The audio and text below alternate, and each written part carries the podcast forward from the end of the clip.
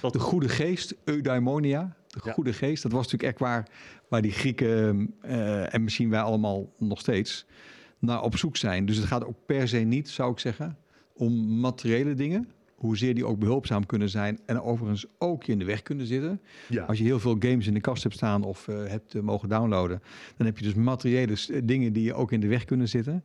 Maar het is natuurlijk eerder iets immaterieels, iets geestelijks, iets, iets zieligs. Leuk dat je weer kijkt of luistert bij deze nieuwe aflevering van de podcast of Hoop. Vandaag hebben we in de studio oprichters van de School der Levenskunst, Erik en Ria Pol. We gaan het onder andere hebben over verantwoordelijkheid, zingeving en levenskunst. Podcast of Hope, moving towards happiness. Nou, leuk dat jullie er zijn. Dankjewel. Dankjewel. Ja, we gaan het, zoals jullie weten, in deze podcast hebben over geluk. Eh, is dat een onderwerp wat jullie veel bezighoudt in het dagelijks leven? Totaal niet. Totaal niet. Totaal niet. Nou, dat was een leuke Nou aflevering. Ja, ik bedoel, eh, nee, ik bedoel, je moet misschien of moet. Ik ben niet echt per se bezig met geluk. Maar het is wel een belangrijk onderwerp. Dus zodra je het aan de orde stelt, ehm, heb je best een kans op een mooi gesprek. Ja, oké, dus je bent niet zozeer bezig met je eigen geluk, maar meer met geluk inderdaad als onderwerp. Nee, ik ben ook niet bezig met, met mijn eigen geluk of met geluk als een onderwerp. Eh, behalve als je het als onderwerp aan de orde stelt. Wat we nu Oh, doen, oké, dit is het gesprek. Ja. Dan wel. Maar terwijl, nou ja, dat gaan we natuurlijk wel een beetje ontdekken. Het is best moeilijk praten over geluk eigenlijk. Want wat bespreek je dan precies? Ja, wat, bespreek, ja, wat is geluk? Ja. Ja, die vraag gooien we dan meteen maar op. Hebben jullie een idee? Kijk, het is een beetje hetzelfde als wat Augustinus zei toen ehm, hij over de tijd sprak. Iedereen weet wat het is, maar zodra je vraagt wat het is, heeft niemand een antwoord. Dat geldt voor geluk misschien ook wel. Daar hebben we best allemaal een soort van idee van, of een onderstroom in je onderbuik, of een, of misschien een hele scherpe gedachte. Maar om het werkelijk te bespreken en, eh, en, en uit te leggen, ja, dat is een kunst op zichzelf misschien. Ja, ja, want we hebben heel veel gasten gehad al, iets van 80. Eh, we hebben nou, niet per se 80 verschillende afleveringen, eh, ja, niet per se 80 verschillende antwoorden gehad, maar wel best wel veel verschillende antwoorden. Ehm, dus iedereen heeft er wel een soort van ander idee van. Dus moet je dan een soort van gemiddelde uittrekken of zo? Heeft de een iemand gelijk en zit de rest fout? Hoe, zou je dat moeten zien? Nou, dat, dat, dan, daar ben ik helemaal eigenlijk niet mee bezig. Met of wie dan het meeste gelijk heeft op geluk. Eh, misschien is het omdat je de vraag stelt dat ik ga kijken wat heb ik nou vandaag meegemaakt, wat gaat over geluk. En dan komt hij op mijn pad. Eh, niet zozeer als eh, het onderwerp hangt altijd boven mijn leven of zo.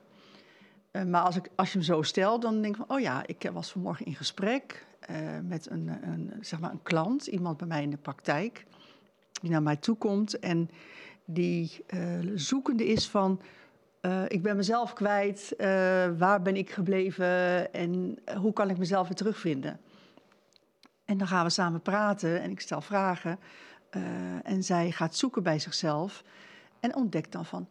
oh, Oh, maar als, ja, als je het nou zo aan me teruggeeft, dan ben ik mezelf dus helemaal niet zo, niet zo kwijt. Ik weet eigenlijk best wel wat ik wil, alleen ik durf het nog niet zo naar buiten te brengen. Maar ik weet het eigenlijk best wel. En dat vind ik zo'n voorbeeldje van geluk. Dat iemand ontdekt van, hé, hey, ik dacht dat, dat, dat mijn leven veel ernstiger in elkaar zat, maar als ik erbij stilsta en de tijd neem en de ruimte krijg om dat te mogen onderzoeken, er is geen oordeel op goed of fout. Er is iemand die luistert en doorvraagt en doorvraagt en met me meezoekt. Dan kom ik best wel bij een idee over wie ik ben. Ja. En dan gaat zo iemand, ja, bijna, eh, nou, bijna stralend naar buiten toe. Van, het valt eigenlijk best wel mee. Eh, hey. Dus dat is voor mij een voorbeeld van geluk, wat ik dan in een ander zie. ja, is het En dan dat- voor jou geluk of voor die persoon? Ik zie in haar geluk ontstaan. Hm. Een, een vorm van tevredenheid, een vorm van. eh, eh, ja, dat ze onder woorden kan brengen wie ze is en, en hoe ze wil leven. Vind, dat vind ik een vorm van geluk. Maar wat ook geluk is, is dat we een appje kregen van onze zoon. dat er controle was geweest bij hun thuis. Hij woont in Zweden, in Stockholm, samen met zijn vrouw. En sinds een week met hun zoon, Elio. En er was controle geweest en alles was goed. Dus ja, er kwam in het Engels in dit geval, want ze praten samen Engels, kwam er een appje dat alles goed was. En dan kijk je naar en denk je, wow, wat gaaf, heerlijk. Ja. Nou ja, dat is ook zo'n moment van, het is goed, weet je? Misschien is dat het, een, even een korte samenvatting, het is goed. Ja. En, en, Tevredenheid zou je kunnen zeggen. Ja, en daar zit het woord vrede in ook. Hè? Ja, het, het is een vredegevoel. Hmm. Er zit, zit totaal geen ruis op, geen, geen bijgedachten. Het is, eh, Jullie hebben die gesprekken gedaan, hè? die 80 gesprekken. ja. Ja, dat Nou, dan zou ik aan jullie moeten vragen. Oh. Vertel, Oh, nee. wat is wat jullie ontdekt hebben, die 80 gesprekken? Wat is dan dan geluk?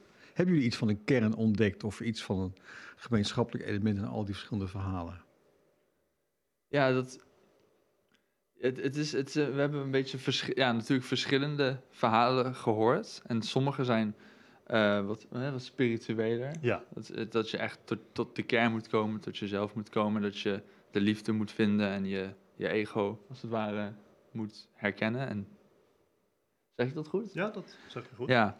Eh, andere mensen zeggen, he- hebben het weer over de, kleine dingen. Dat sluit misschien iets meer aan bij, bij, jouw verhaal. Dat je die kleine dingen erkent als soort van geluksmomenten. misschien. Ik, ik, ik weet niet waar ik, wat voor mij nou echt de waarheid is. Misschien is er ook helemaal geen waarheid. Misschien is gewoon geluk wat, wat je vindt dat geluk is. Ben je nu gelukkig Op dit moment? Of, op dit moment? Ja, maar dat is natuurlijk ook weer zo'n ding. Het kan op een moment misschien geluk zijn, of je, bent, je hebt gewoon een gelukkig leven. Ik, ik Ja, ben dus nu- daarom vraag ik nu, heel concreet, ben je nu gelukkig? ja, ik denk het wel. Wat is dat dan? Ja, misschien ook wel gewoon tevredenheid. Er zit nu niks wat me soort van, geen stemmetje wat zegt van het gaat fout. Of niets wat me soort van uit, uit het moment haalt. Uit. Het klinkt misschien een beetje cheesy, maar niks wat me uit de flow haalt. Het is wel, Ja, grappig, ja. het is wel grappig dat je zegt, Ja. dat denk ik wel en niet ik ben het. Ja, ja, omdat ik ook weer, ik wil niet een definitief antwoord geven. Misschien ben ik helemaal niet gelukkig. Nee, maar is er geen liegen. definitief antwoord dan? Ehm, Sorry hoor. nee, nee, ik weet, ik weet, ik weet ja, goede vraag. Jij zit Ja. te genieten van je vragen, hè?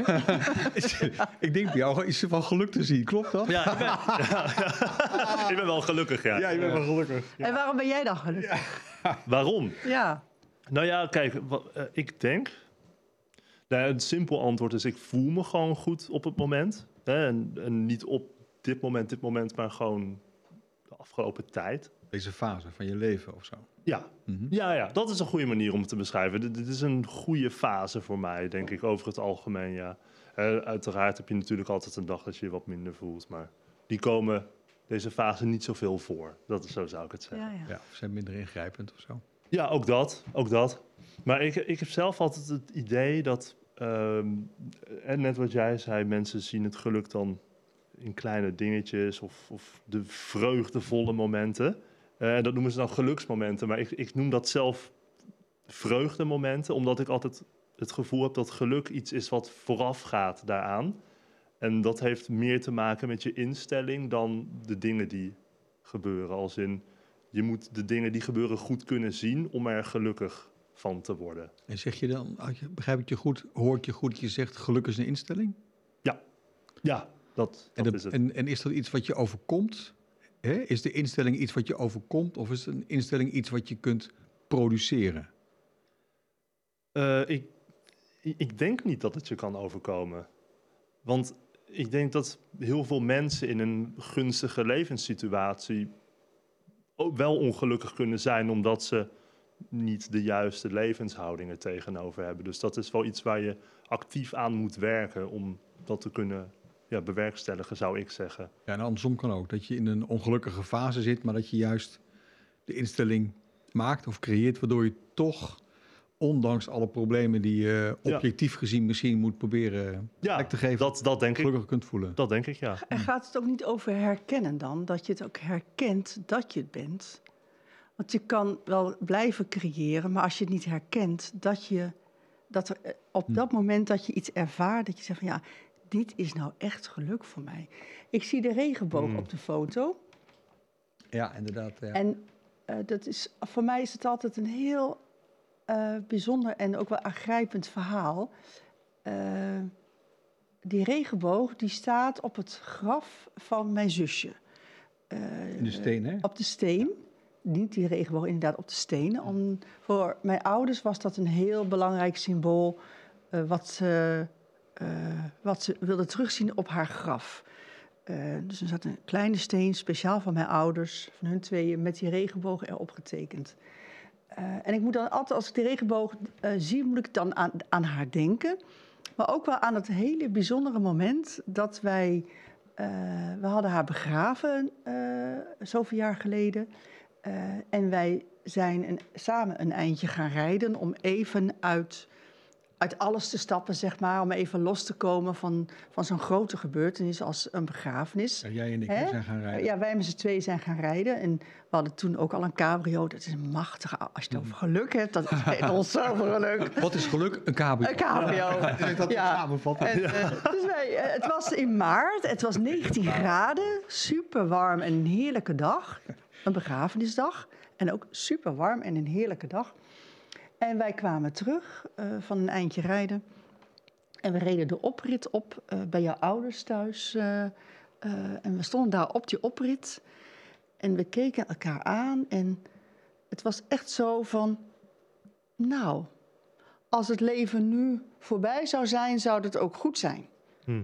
Want het, het was zo. dus als je- jij zei het ook, hè, er zit, er zit, je bent niet meer bezet. Er zit totaal geen andere gedachten.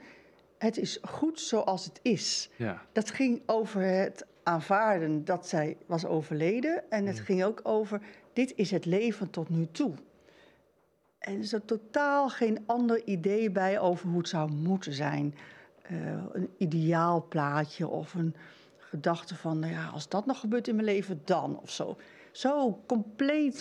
ja, het, het- het- sommigen zouden dat spiritueel noemen. Ik noem dat een heerlijke vrije gedachte. Van Ja, het is goed. Of de grap, Ja. misschien is helemaal niet grap, niet het goede woord, maar wat je nu beschrijft, dat, we hebben natuurlijk wel eens vaker ook over, over gehad. Dat moment, dat herkennen we alle twee nog steeds. Ja. Daar gaan we eigenlijk heel diep, omdat die ervaring op die dag heel intens en heel diep is. En ook triest natuurlijk, hè, gewoon je zus begraven. Dat is natuurlijk helemaal niet een, eh, een blije gebeurtenis. Dus dat is ook al een indicatie. Blijheid is bepaald niet hetzelfde als geluk. En Ah, niet ja. blij zijn kan toch ook nog steeds geluk zijn. Hm. Ehm, dus dat was een ervaring die heel diep gaat. Terwijl, terwijl voor mij geluk ook iets heel oppervlakkigs kan zijn.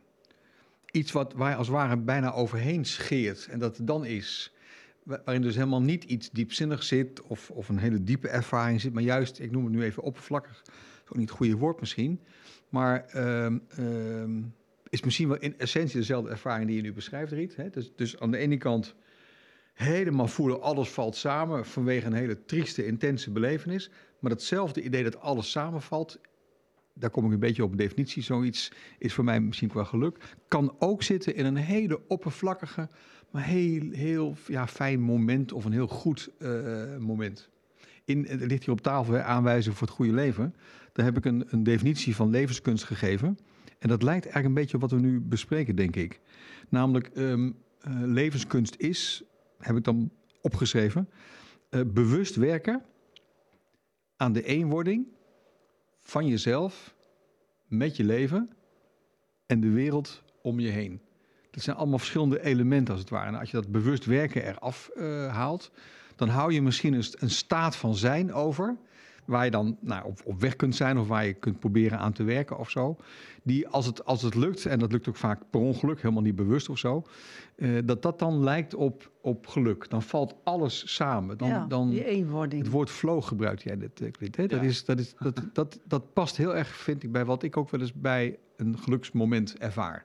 Dat je, dat je achteraf denkt, ik zat in een flow en wat was dat een, een goede ervaring. En, eh, Ja, want is het altijd iets reflecterends waar je op terugkijkt? Of kun je dat ook... Ja, eh, dat moment wat jij net zei, dat had je ook door op dat moment, toch? Van nu ben ik gelukkig. Ja, dat was in het moment zelf Ja. die ervaring hebben. En, en dat Ja. soort momenten, en ook dezelfde momenten waar jij net over sprak, zijn die, kun je die vasthouden voor een heel leven? Of, of moet je die op een gegeven moment loslaten binnen een, een klein, kleine tijd? Waarom zou je het los moeten laten? Ja, omdat je niet anders kan misschien.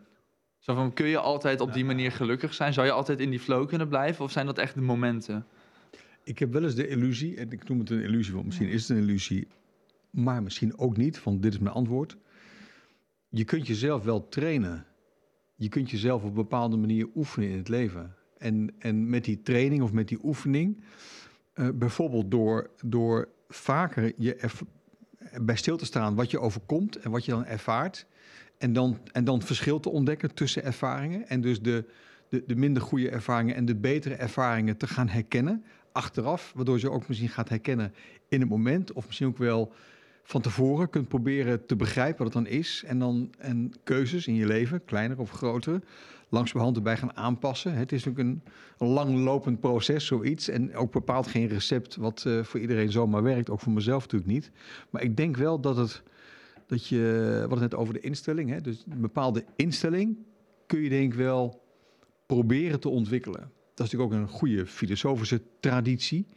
Dat je, dat je probeert jezelf te vormen. En dat je dus niet alleen maar eh, je, je- jezelf of wie je bent of wat je overkomt laat gebeuren door wat er allemaal om je heen gebeurt. Het zal heel gek zijn als de wereld om jou heen er steeds voor zorgt dat het voor jou helemaal goed gaat. Dus dat je ook op de een of andere manier stukjes daarvan, kleiner of groter, net van je, hangt een beetje van je visie af op het leven misschien, hè, maar dat je dus ook zelf probeert een paar dingen nog vorm te geven zoals het past bij wie jij bent, of wat jij belangrijk vindt, of waar je in gelooft, of ehm, eh, wat je schoon vindt of waardevol vindt. Als je dat vaker doet, wordt het na verloop van tijd makkelijker, zou je kunnen zeggen. Dat is dan toch een vorm van oefening. Nou, het wordt een vorm van, eh, van wat jij zegt, van, van houding, je levenshouding. ja, dan ontwikkel je een wordt er, houding. ja, ja, je, ja, wordt er door gevormd.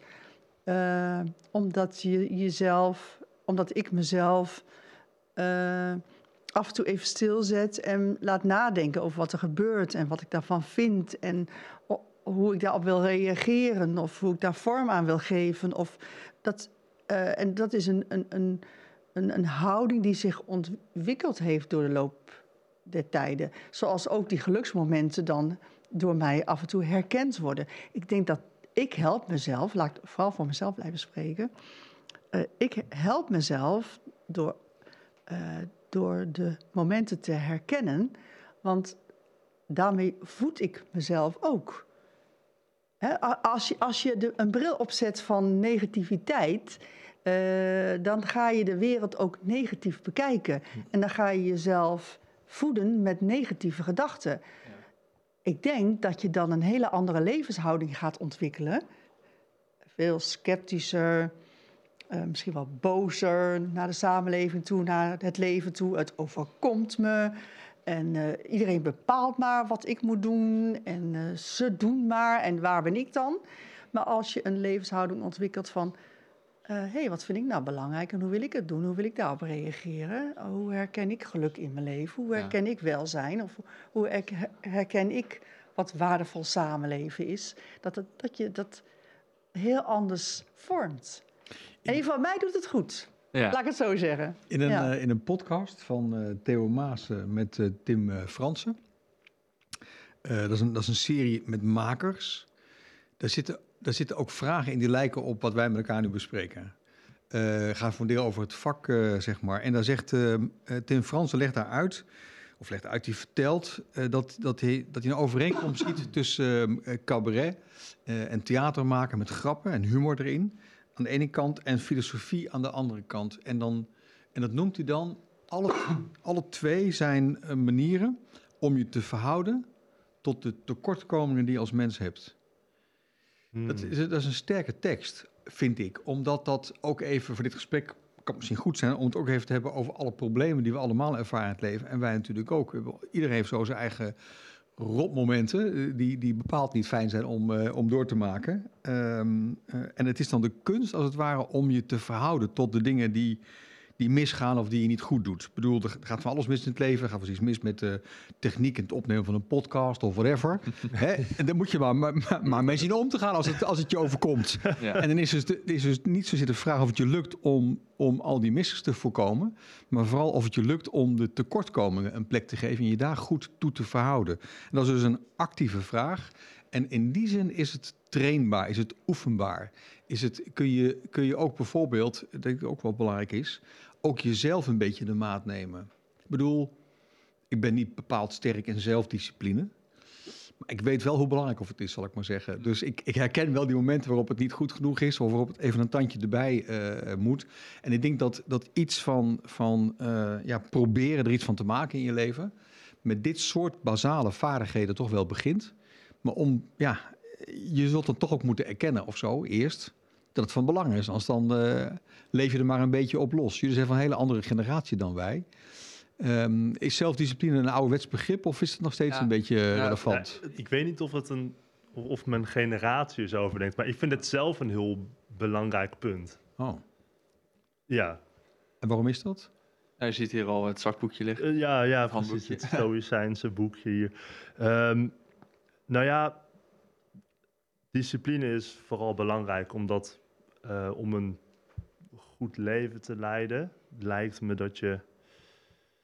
Ja, ik, eh, ik, moet, ik moet hier wel even over nadenken misschien. Ehm,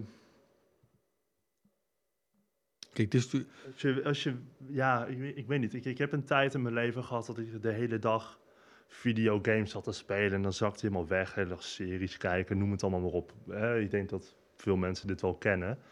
En, Kijk mij aan.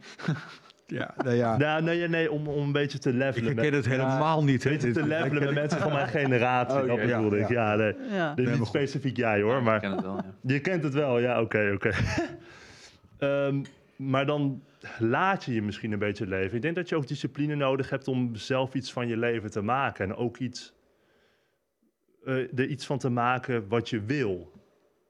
Eh, ja, misschien je volledige potentie benutten of zo. Dat is, eh, denk Is ik het, is het belangrijk, vind je, om iets te willen? Is het, is het, is het, ja, belangrijk belangrijk om iets te willen? Ehm, nou ja, ik denk dat, je, dat, dat dat inherent aan mens zijn is. Dat je gewoon wil. Ik denk dat Oké, dat maar is- dan is het, iedereen wil dan wat. Ook die gamer op de bank die heel dag ligt te binge-watchen. Ja, die wil ook wat. Ehm, hmm. Ja, ik, denk dat er een soort van diepere drive is die je wegstopt als je jezelf een beetje in eh heden... Verdooft. ja, je verdooft. Als het ware je, je echte wil, zou je dat zo kunnen zeggen? Want, want het wegstoppen ervan is dan ook iets wat je dan wil. Ehm, ja, dat kan misschien zo voelen. Je, En op, op dat moment is dat denk ik ook zo. Maar het voelde voor mij een beetje alsof, er, alsof ik op een gegeven moment weet kreeg van iets dat nog dieper zat, dat zat te schreeuwen, dat eigenlijk iets belangrijkers voor mij had. En ja, misschien moet je daarmee het leven confronteren. En dat is dan eng of zo, ik weet het niet. Maar eh, Heb je het toegevoeld? Vond je dat eng om, om weg te gaan bij die games en dan, en dan andere besluiten te nemen? Ja, ik weet niet of eng het goede woord is, maar het was wel een, een stap. Ja, ja. Een stap van wat naar wat dan? een, een stap van, ehm, ja, eigenlijk wat in essentie niets doen is, naar een wat productiever leven, een, een wat, ja, nou ja, een betere verhouding tegenover wat mijn ziel me toeriep, zou ik misschien kunnen Mm. zeggen. Ja, ja. Goed dat het woord ziel gevallen is. Ja hoor, Nou we're talking. ik gooi hem nou, Kom maar ik door. gooi hem er gewoon even in. Kom Ja. maar door. Nee, maar ik, ik denk wel dat er, dat er iets is, en dat zou je ziel kunnen noemen, dat, dat ehm, jou een soort van levensdrive geeft. En dat veel mensen daar, hè, waaronder dus ik ook toen ik mijn, mijn uren aan het vergooien was aan gamen, dat ik daar niet naar luisterde. En dat de juiste houding tegenover het leven is om dat wel te doen. Ja. ja, ja. Mooi, kijk, die, die ziel is een mooi, mooi begrip, ook uit de filosofie, ook uit de Griekse filosofie. Eh, psyche is echt het Griekse woord voor ziel. Dat, dat raakt onmiddellijk aan allerlei vraagstukken die we nu psychologie noemen, kun je zeggen. Maar het mooie in die oude tijd is dat ehm, zorg dragen voor de ziel, dat was eigenlijk het beginsel waar Socrates mee eh, Ja. de straat op ging. En, en wat we tegenwoordig ook wel zelfzorg kunnen noemen. Ehm, en de ziel was dan nog niet zozeer een object, een ding, maar de ziel was een activiteit. Dus, dus dat, dat past bij wat je ook zelf zegt. Als je dan passief op de bank zit te binge-watchen en zit te gamen, Ja, dat is niet dan, dan, nee. nee, dan, dan slaat je ziel als het ware dood. Terwijl je, je ziel is eigenlijk een actieve, actief iets. Ja, hè? ja. Dus, dus, en, en die activiteit die moet ze natuurlijk richten. Als die ongericht is, dan is het niks misschien. Dus die moet zich richten. Nou, dan krijg je allerlei vragen over waar het dan heen moet... en wat dan het goede en minder goede is. En dan komen al die vragen over geluk ook wel op gang. Wat in die tijd ook zo was. Hè? Dus Dat- de goede geest, eudaimonia, de Ja. goede geest... dat was natuurlijk echt waar, waar die Grieken eh, en misschien wij allemaal nog steeds... naar op zoek zijn. Dus het gaat ook per se niet, zou ik zeggen, om materiële dingen... Hoezeer die ook behulpzaam kunnen zijn en overigens ook je in de weg kunnen zitten. Ja. Als je heel veel games in de kast hebt staan of eh, hebt eh, mogen downloaden, dan heb je dus materiële s- dingen die je ook in de weg kunnen zitten. Maar het is natuurlijk eerder iets immaterieels, iets geestelijks, iets, iets zieligs. Maar dan je- op, ja. ziel- Ja, ja, Ja. op een goede manier. op een goede manier. En ja. weet, je, weet je wat ik ook zo mooi aan jouw verhaal vind? Is je, je kreeg een besef van, dit is niet goed. Een soort van innerlijk weten, Mhm. er klopt iets niet. Dat, dat klopte bij jou aan. En dat was hè, op een bepaalde manier, begreep ik uit je woorden, spannend om daarna te luisteren aan, aan wat zich aandiende, wat er aanklopte bij jou. Ja, En eh, ik haalde net even aan een gesprek van, van vanmorgen, dat die persoon zei van, ik weet wel dat het, eh, dat, ik, eh, dat het anders moet voor mezelf, dat het beter zou zijn. Maar ik vind het ook zo spannend om het anders te gaan doen. Ik vind Hmm. het bijna eng, want dan moet ik ook zo over mezelf gaan nadenken.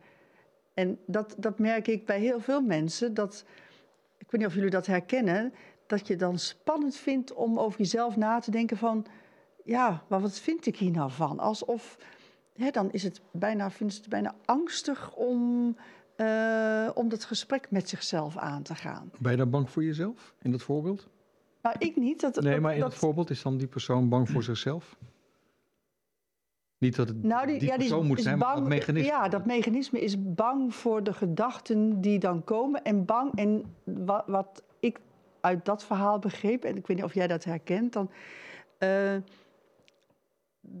de persoon die, die kwam op een kruispunt van ja, maar nu heb ik, heb ik een keuze te maken. Ik heb nu onder woorden te brengen wie ik ben en wat ik wil. Ik heb een keuze te maken. En dat is de verantwoordelijkheid gaan dragen voor je eigen doen en laten. Ja. En, en games Ja. spelen en hè, met hoeveel plezier je ook even lekker lamlendig kan zijn.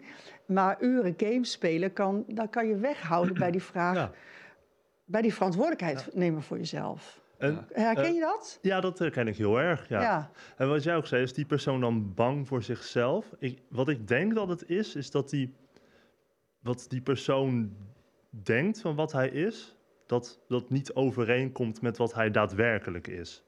Oftewel, als hij zegt dat hij daadwerkelijk vindt, dan wordt zijn conceptie over zichzelf een beetje opgeschud, als het ware. Ja, herken Ja. ik wel. ja. Ik, ik doe, ja, de- op het werk werken we daarmee. Ik ben ambtenaar, hè. En, dan, en we maken gebruik van, van een bepaalde praktische filosofische methode... waarin ook eh, de, de vraag naar ehm, waar je bang voor bent of waar de angst zit... dat kan ook gewoon vrees zijn of onzekerheid... kan allerlei vormen aannemen die minder ernstig lijken... maar die wel gaan over, nou ja, weet ik veel... geen risico's willen nemen in je werk bijvoorbeeld... Hè, of een bepaald soort probleem willen voorkomen. Dat is ook op een bepaalde manier kun je dat duiden in termen van angst. In dat onderzoek wat we daarbij gebruiken, ehm, eh, zit dus ook een vraag. eh, als, je, als je iets goeds wil bereiken, en het goede kun je op heel veel verschillende manieren kun het invullen, maar als je iets goeds wil bereiken en het is moeilijk, dan is, dan is het eigenlijk evident dat je ook iets moet offeren. Dat dat goede, wat moeilijk te bereiken is, niet vanzelf gratis op de plank ligt en je kunt eraf halen en dan ben je klaar. Dus daar moet je iets voor offeren wat je ook belangrijk vindt. En heel vaak ontdekken we in die, eh, ik heb het ook, eh, ook wel in de coachpraktijk in een één op één gesprekken deze techniek benut om dingen te verhelderen. Dan zit het punt wat jij aan de orde stelt hier vaak in, namelijk een beeld van jezelf hebben, wat je moet opgeven. Ja, Eh, en, en het opgeven van het zelfbeeld is een heel pijnlijk offer. En waarom is dat zo? Ik denk omdat, het, omdat, omdat eh, daarmee je leven tot op heden in een ander daglicht komt te staan. Dus alles wat je, wat je wist, wat je gewoon meegemaakt hebt, krijgt een ander soort van perspectief, een ander daglicht. Eh, en dat is gewoon eng. Dat is beangstigend om wat je weet los te laten. En is weten heel, heel abstract bedoeld, hè, in de zin van, eh, wat ik net zei, dat je dus er anders naar kijkt. Eh, terwijl dat wel een van de. een- bijvoorbeeld een perfectionist, die, die, eh, die, die denkt dat hij, het, dat hij het perfecte kan bereiken. En, en die is daar steeds mee bezig. Ehm, en dan is niet zozeer het niet bereiken van het perfecte is niet het probleem, maar jezelf zien als iemand die zich realiseert dat het perfecte onbe- onbereikbaar is. Dat is dan de, de grote verandering eh, die ook angst met zich mee kan eh, brengen. Hmm. Zoals perfectionisme ook vaak een manier is om de angst te temperen. Hè? Dus die hebben ook vaak met elkaar te maken. Het woord psychologie hoeft helemaal niet. Maar het opgeven van het zelfbeeld is echt wel een heel relevant eh, ding. Ja. Nou, ik zie nu een foto van eh, eh, mijn broer en mijn zus. eh, ze waren aanwezig bij het afscheid wat ik had eh, Gerda van, en Martin. ja, van Delftse Buur. Dat is een organisatie die ik heb opgezet in 2015. Toen de eerste Syriërs naar Nederland kwamen. En ik ontdekte van, ja, wat gebeurt er nou in Delft, eh, hè, waar we wonen? Wat gebeurt er in Delft voor eh, de Syriërs die gevlucht zijn? Eh, en, en toen heb ik een buddy-systeem eh, ben ik gestart. met honderden vrijwilligers en honderden Syriërs, Syriërs. kun Onder je andere. Talal zie je hier. Ja, Een eh, goede vriend geworden van ons. En eh, eh, er zijn verschillende dingen over te zeggen. Eh, wat ik in, in het kader van angst wil zeggen is... het is niet alleen eh, angst eh, voor iets eh, wat opgeofferd moet worden voor jezelf... of iets van, van jezelf, maar ook iets wat buiten jezelf kan zijn. Eh, toen ik startte was het 2015 en de hele wereld, bij wijze van spreken, Europa... stond te klappen toen de Syriërs aankwamen in treinen en met bussen en weet ik het allemaal. We, we, we klapten allemaal. We vonden om ze te bemoedigen. Ik zie nog zo, ook op Duitse perrons zie ik nog mensen staan, maar ook in Nederland. En gigantisch veel mensen melden zich aan voor Delftse Buur om daar vrijwilliger te zijn. De omslag kwam later. Eh, net wat je ook nu gaat zien hè, bij met eh, het, de opvang van Oekraïners, zag je toen ook bij de Syriërs. Er gingen verhalen ontstaan. Eh, mensen gingen elkaars verhalen voeden, negatief voeden. De, de, de, sfeer werd naar en scherper. Vrijwilligers haakten af, want ja, wie weet zit er wel een terrorist tussen. Kan dat wel? Kan ik wel zo iemand vertrouwen? Dus allerlei verhalen. Maar ook eh, op social media ontstonden er ook bedreigingen. Ik kreeg ook hele nare berichten in mijn timeline en zo. En eh, ik heb wel eens, ik, ging heel veel naar buiten toe als het ware om te vertellen over Delftse buur. Ik, ik kwam op allerlei podia te staan en mijn, mijn gezicht stond in kranten en weet ik het allemaal. En ik werd ook daar een beetje bang van. Zo van, ja, maar goed, ik kan nu wel vertellen wat ik vind en hoe ik het beleef. Eh, maar als ik dan ook bedreigd ga worden of mensen gaan iets vinden van mij... Hè, eh, in die tijd had je, hoe heet- werd ze ook alweer genoemd, eh, de, Merkel? Wie schaffen dat? Zei ze. ja, wie schaffen Dat Maar een goed, een goed mens. Een werd goed ze- mens, ja, werd ze ja. genoemd. Eh, en dat werd ook, werd ook wat negatief, werd dat. En ja, als mensen ook zo negatief naar mij gaan kijken, omdat ik dit werk doe. Eh, Ja. ja. dat vind ik eigenlijk ook. Nou ja, dan moet ik ook iets opofferen. Want ik heb dan te maken met dat mensen naar mij kijken en dat ze iets negatiefs van mij vinden. Vind ik natuurlijk niet zo leuk. Nee. En- Hè? Dus dan, dan, dan heb je daar weer van, ja, durf ik dan nog naar buiten te treden? Ga ik dan de, de confrontatie aan met anderen die mijn werk niet goed vinden? Eh, ga, ga ik de confrontatie aan met mensen die van mij, mij een beetje belachelijk maken omdat ik dit werk doe? En durf ik dan nog door te gaan met dit werk? Hm. Nou, dat is ook angst, waar je angst uit, ja, die, die ik dan zelf creëer, hebben uiteraard. natuurlijk nooit, nooit, echt, nooit echt een veiligheidsprobleem ervaren. Dat zeker niet. Maar we hebben toen wel Nee. gerealiseerd, het is niet zo Nee. moeilijk om te ontdekken waar we wonen, eh, welk adres we Nee. hebben, onze gegevens te vinden. Ook omdat we ons, onze, ons woonhuis gebruiken voor het werken met groepen en voor activiteiten. Dus Ja, het is allemaal prima Een te beetje doen. googlen en je komt erop. Dus we waren ons er wel Ja. van bewust dat we een risico namen. Ja. Eh, maar we, hebben, we zijn nooit toe op, echt op de proef gesteld. In zekere Nee. zin niet. Nee, maar het heeft even gespeeld, dit. Ja, het heeft in even die, in die fase was het op een gegeven Ja, moment. van wel. nou, misschien maar iets minder op social media, maar ja. Maar waar vertel je dat nou, Riet? Ja, Ja, om die, omdat die angst, die, omdat die angst ook iets is eh, wat ik, eh, ja, wat ik dan ook eh, ja, in de buitenwereld proef. En, en de mensen dat dan gaan weer gaan vervormen naar eh, negativiteit naar de ander toe, naar agressie naar de ander toe. En dan komt het weer bij mij binnen en dan heb ik daar weer, weer toe te verhouden. Hmm. Zo op die manier was ik even be- bezig met het begrip angst. maar eh, neem nou die situatie, hè? En Ja. Dus ehm, aan de ene kant heb je dus een stem in jou die zegt: dit werk moet ik doen. En aan de andere kant Hebben zoiets van, ja, maar als ik dat doe, dan kan ik er negatieve reacties op krijgen, et cetera. Ja. Eh, welke keuze moet je dan maken? Naar die, naar die innerlijke stem luisteren die zegt, je moet dat doen. Hè? Dat, die, die originele intuïtie. Is dat de keuze waar je gelukkiger van wordt of die andere? Eh, ja, het is afhankelijk van wie jij wil zijn en Ja. hoe jij als persoon jezelf in de ogen wil blijven kijken. Eh, voor mij was het belangrijk om mijn werk te blijven doen. Want als ik dat niet zou doen, dan zou ik niet trouw zijn aan mijn eigen waarden, aan waar ik voor wil staan.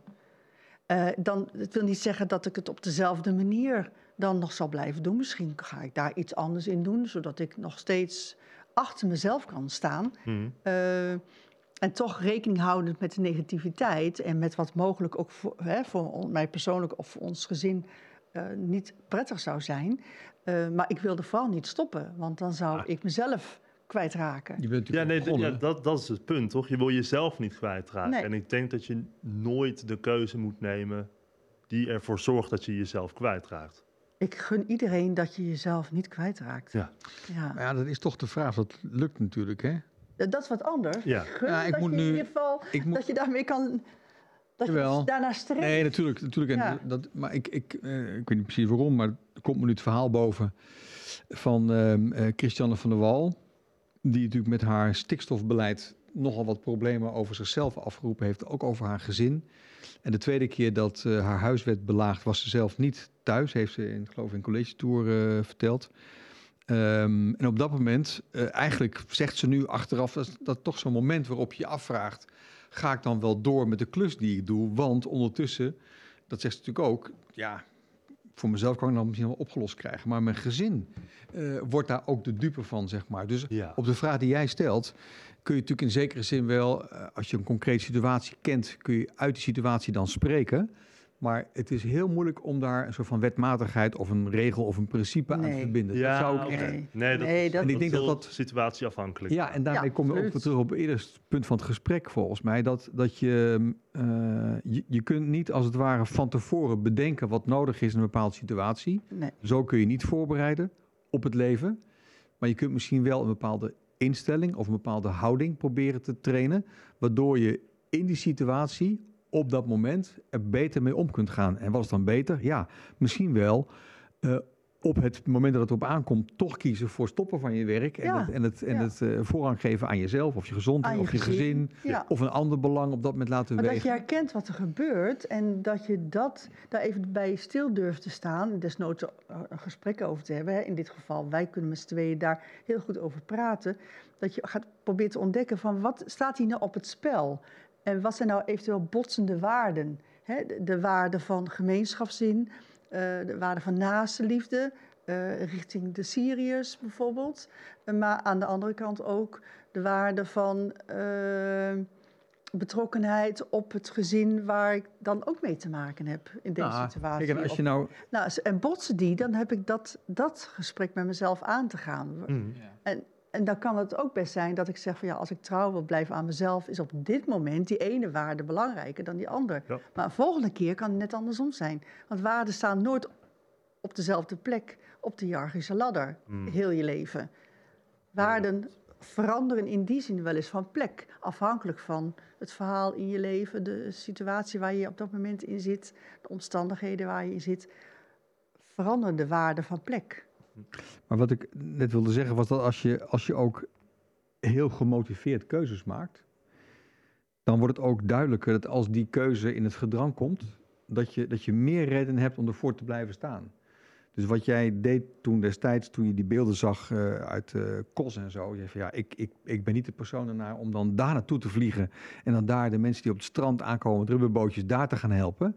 Maar ik kan wel iets anders en ik wil iets anders, want het voelt zo van binnenuit. En toen ben je dat Delftse buur gestart. Eh, dus dan heb je ook vanuit een, een hele diepe motivatie bij dat gaan, gaan doen. En dan wordt het ook makkelijker misschien wel om een beetje koers te houden. Mhm. Ook als het af en toe wat, wat ingewikkelder wordt. Dat is Dus zeker waar. weer terug op dat punt waar je in het begin even over sprak. Als je dingen laat gebeuren en niet kiest voor iets, dan, dan word je ook eerder een, eh, dat noemt de, de Zwitserse filosoof Peter Biri, een windvaan. Dan, dan waai je mee met alle winden, zeg maar. En ehm, ehm, dat, dat, is, ook- dat is ook echt belangrijk, bij wijze van spreken, om te voorkomen dat je ongelukkig wordt, dat je geen windvaan moet zijn. Want ehm, ehm, er zijn natuurlijk best mensen die, die vanuit een, een, een goede motivatie heel dienstverlenend in het leven willen staan. Die dus graag andere mensen helpen. Hè? Nou, dan komt Jan binnen en die heeft iets, lekker band of zo. Nou, band hebben plakken. Maar terwijl je bezig bent, komt Marietje binnen en die heeft, eh, nou laten we zeggen, een, eh, weet ik veel, een eh, gebroken been. Eh, ik, ik vind een gekke voorbeeld. Maar ik bedoel, als je alleen maar wil reageren op wat op je afkomt en altijd voor iedereen klaar wil staan, ja, dan waai je dus mee met de toevalligheid die op dat moment eh, ontstaat. Daar schrijft die Peter Biri fantastische slapstick bijna over in een filosofieboek, waarbij je dus helemaal goed ziet dat, dat, dat je daarmee dus niet je leven op koers kunt krijgen en dus niet kunt samenvallen Nee, je met wie je belangrijk kompas. vindt. Je hebt, je hebt geen kompas. Nee, als je Dus- het hebt over geluk, denk ik dat een, gezond kompas en een, of een, een bewust kompas wel helpt. Ja, en het Ja. is allemaal ingewikkeld. Hè, Ik kan me goed voorstellen. Maar dan bedoel je ook een, een, een moreel kompas of gaat het Ja. over veel meer dingen? Ja, ook een moreel kompas, dat je weet waar je voor staat, wat je belangrijk vindt. Ja. Eh, Ja, ik denk dat het vooral over een moreel Ja, kompas gaat. Ik ja. zou niet weten wat voor een soort ja. meer dingen het zou moeten zijn. Wat zou het kunnen zijn dan, Clint?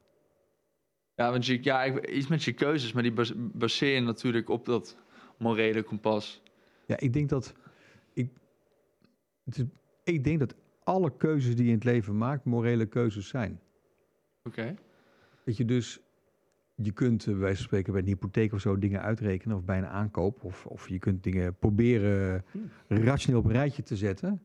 Maar op het moment dat je zegt, oké, ik koop het huis of ik doe dit of ik ga solliciteren of ik neem ontslag of ik zeg ja in huwelijk of weet ik veel wat. Het moment waarop je dat besluit lijkt eigenlijk steeds weer los te staan van alle dingen die eraan vooraf gegaan zijn. Dus dat is, dat is, dat is helemaal niet een rationeel proces. Dat is een, is een veel complexer moment waar veel meer dingen samenkomen en waarin dus altijd een soort van vraag tussen wat is goed of niet, of wat is beter of minder goed, of wat heeft een voorkeur of geen voorkeur, dat altijd op een bepaalde manier een rol speelt. En dat noem ik dan ethiek of moraliteit. Ja, exact. En dat is nodig om dus, ik, ik weet niet of ik het woord goed zeg, maar om geen windvaan te zijn. Eh, want je zegt dan moet je keuzes maken, dus je moet als het ware je een morele kompas ontwikkelen om niet Ja. zo'n windvaan te zijn. Het, hel- het helpt je, een kompas helpt je om koers te houden. Daar is een kompas voor. Ja, En, en als je geen windvaan wil zijn, dus niet wil reageren op de eerste beste eh, die hier binnenkomt en wat tegen je roept. En oh, oké, nou ga ik weer met die mee. Oh, dan ga ik weer met die mee. Ja. Oh, nee, dan, dan ga je niet, sta je niet bij jezelf stil van wat vind ik nou belangrijk? Wat vind dat- ik ja. van waarde? En dat raakt ook aan die verantwoordelijkheidsvraag waar, waar we eerder over spraken. Dat Ja. je dus, eh, als je eh, geen verantwoordelijkheid neemt voor, voor wie je bent en eh, wat je doet. Dat, dat is, eh, die Peter Bieren die die windvaan eh, als eh, metafoor gebruikt, die spreekt van actorschap. Hè? Dus, dus als je jezelf actief in je leven plaatst, dus je bent de actor die handelt, Mhm. ja, dan, dan kun je dus doodsbang worden voor alle verantwoordelijkheid die op je afkomt. Hè, zo spraken we daar net over. Maar tegelijkertijd is, als je het wel doet, ontstaat er ook alles van vrijheid. Hmm. Dus het is ook het tegendeel van, van vrijheid. Als je, de, als je windvaan bent, ben je dus niet vrij. Dan, dan word je dus geleefd, kun je simpelweg Ja, eh, zeggen. De terwijl- wind zorgt ervoor naar welke Ja. kant je uitwaait. ja. dat doet me ook Ja. een beetje denken aan Heidegger en het existentialisme. Ja, alles heeft te maken met existentialisme. Althans, wat mij betreft is dat zo. En waarom doet het jou aan denken daaraan? Ja, dat vroeg me ook af. Ja, nou dat je dus in die angst om, hoe zeg je dat, de, de verantwoordelijkheid voor je eigen keuzes, dat je, die, dat je die op je moet nemen, die angst, dat je vanuit daar, Het spannende daarin. ja, ja, precies. En vanuit Ja. daar kun je, ja, voor mij, vanuit daar ontstaat bijvoorbeeld filosofie. En kun je, ja, hoe zeg je dat, ga je niet meer op in het men. Ja. En kun je, Ja, ja, ja. Dus, Word je ja, een Ja, dan word je een zeggen. persoon. ja, en misschien opgaan in een man is een beetje die windvaan zijn. Ja. Ja. Misschien trek ik lijnen die er Ja. niet horen te zijn, maar... Nou Nou ja, het is aan jouw lijn, hè? Het is toch Het is, het waardevol? is denk ik ook Ja. wel. Ik denk dat dit ook een van, de, een van de moeilijkste kwesties is voor ons als mens, zou je kunnen zeggen. Of misschien wel voor mijzelf, persoonlijk als mens. Om ehm, op alles wat ik zelf doe, ten principale aanspreekbaar te willen zijn. Dus niet zeggen, ja, maar ik moest hier vanavond eh, bij jullie een podcast opnemen. En eh, omdat dat moest. Hier naartoe gesleurd. En dat, omdat dat moest, Ja, heb ik het anders niet gedaan. Nee, nee, nee. Heb ik zelf toe besloten om het te doen. Hè? Om, het, om, om hier te zijn. En dat, en dat geldt voor alle dingen. Ook dingen die ik nu uitspreek. Of ik onderbreek er hier wel eens of doe dat niet. Dat is allemaal mijn eigen keuzes, hè, wijze van spreken. Die, die, en elke keer weer opnieuw daarop aanspreekbaar zijn. Dat mechanisme, dat is verantwoordelijkheid nemen. Maar dat, dat, dat zet je met je blote billen in het leven van iedereen bij spreken. Want je kunt je nergens meer achter verschuilen. En dat is een. Niet van mijn een- baas zei het, dus ik deed het daarom. Of, eh, Ja, hè, dat soort, kan je, je, kan, je kan je niet meer verschuilen. Ja, nee. dat, maar dat is een, dit is Ja. eigenlijk ook waar natuurlijk Nietzsche over existentialisme gesproken ehm, zijn, zijn, zijn naartoe leeft, als het ware. Dat er is geen andere grond, daar had ik veel verder alleen maar persoonlijk leven, er is geen andere grond dan ja, dat we er nu zijn. En daar moeten we het mee doen. Mhm. Maar dat is een, dat kun je, als je dat een beetje doordenkt, ook een, is ook een enorme afgrond. Want, want ja, wat doen we hier dan eigenlijk? Zit hier een podcast te maken over geluk? En, en in, in het kader waarvan is dat nou een relevante activiteit? Hè, we- Ja. op, op welke manier is dat nou te beoordelen? En ja, misschien best voor de luisteraars. Nou ja, zo wat. Wat doen die luisteraars ertoe? In het perspectief van de eeuwigheid en van de mensheid en van, van, van misschien wel de grote problemen die we hebben, of van waar het allemaal vandaan komt en waar het allemaal heen gaat. Dus als je heel groot denkt over het leven en over de aarde en over, over wie en wat we zijn. En dan je zou realiseren, er is ook helemaal niks anders dan gewoon wat we nu zijn. Een stelletje cellen die een beetje eh, op deze planeet eh, ronddwarrelen. Ja, dat, is een, dat is een eng idee. Maar dat Ja. hoort eigenlijk bij het idee dat je ook voor alles verantwoordelijkheid neemt. Nou, ik wil hem wel graag kleiner maken. Nou, doe eens.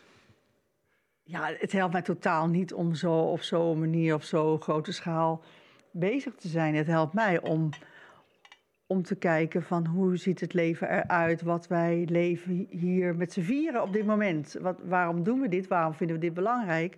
Maar ook het leven buiten deze studio. Wat vind ik daarin belangrijk? Hoe wil ik daar samenleven? Dat, dat geeft mijn leven betekenis en zin. En dat, eh, ja, dat zijn misschien handvatten die ik dan mezelf geef om, om enigszins eh, in het leven ehm, ja, eh, duidelijkheid te krijgen Ja. over waarom ik op aarde ben. Ja, maar dat zegt Nietzsche ook, hè? Dat hebben mensen gewoon nodig. Maar dat is gewoon sneu. Ja, Want het is namelijk anders. Hè? Dus, dus, dus, ja, maar, ja, hij is maar ons Nietzsche is toch niet onze tweede, derde, vierde, vijfde, zesde, zevende god of zo? Nee, nee, nee. Het is gewoon, nee, misschien is het eerste filosoof, hè? Ja, dus ik denk, zeggen. ja, nou oké, ja, ik, in die zin ben ik wat eigenwijzer geworden sinds, we, sinds ik me heb verdiept wat meer in, in, in die vragen, die, die, die, die levenskunst, het humanisme, eh, praktische filosofie, eh, die me dat meer aangereikt. Zo van, ja, denk nou eens hier eens over na, of denk nou eens daarover na. Dan denk ik, oh ja, wacht even, ja, hoe sta ik er nou eigenlijk in dan? Wat vind ik hiervan? Die, dat, dat zelfbewustzijn is daardoor wel gegroeid, door de gesprekken met jou, door al die mensen die op ons pad zijn gekomen, door ons werk, door ons privéleven. En eh, in die zin denk ik, ja, nou leuk dat Nietzsche in de kast staat, maar ik heb toch nu te doen toch met, met jullie en met eh, Erik als partner. En dat, dat, dat vind ik veel zinvoller om daarmee bezig te zijn. eh. En is Nietzsche daarmee volstrekt irrelevant geworden? Nee, als aanreiker van mooie gedachten of van kritische gedachten of van vragen. eh, daarvoor is Nietzsche een prachtige, prachtig persoon. En al, er, zijn, er zijn nog zoveel andere prachtige personen. Bedankt voor het kijken of luisteren naar deze aflevering van de Podcast of Hoop. We hopen dat je ervan hebt genoten of misschien wel geïnspireerd door bent geraakt. Iedere zondag om 10 uur komt er een nieuwe aflevering online op YouTube, Spotify en op al je andere favoriete podcast-apps. Ook kun je ons vinden op www.podcastofhoop.nl. Tot ziens en veel geluk!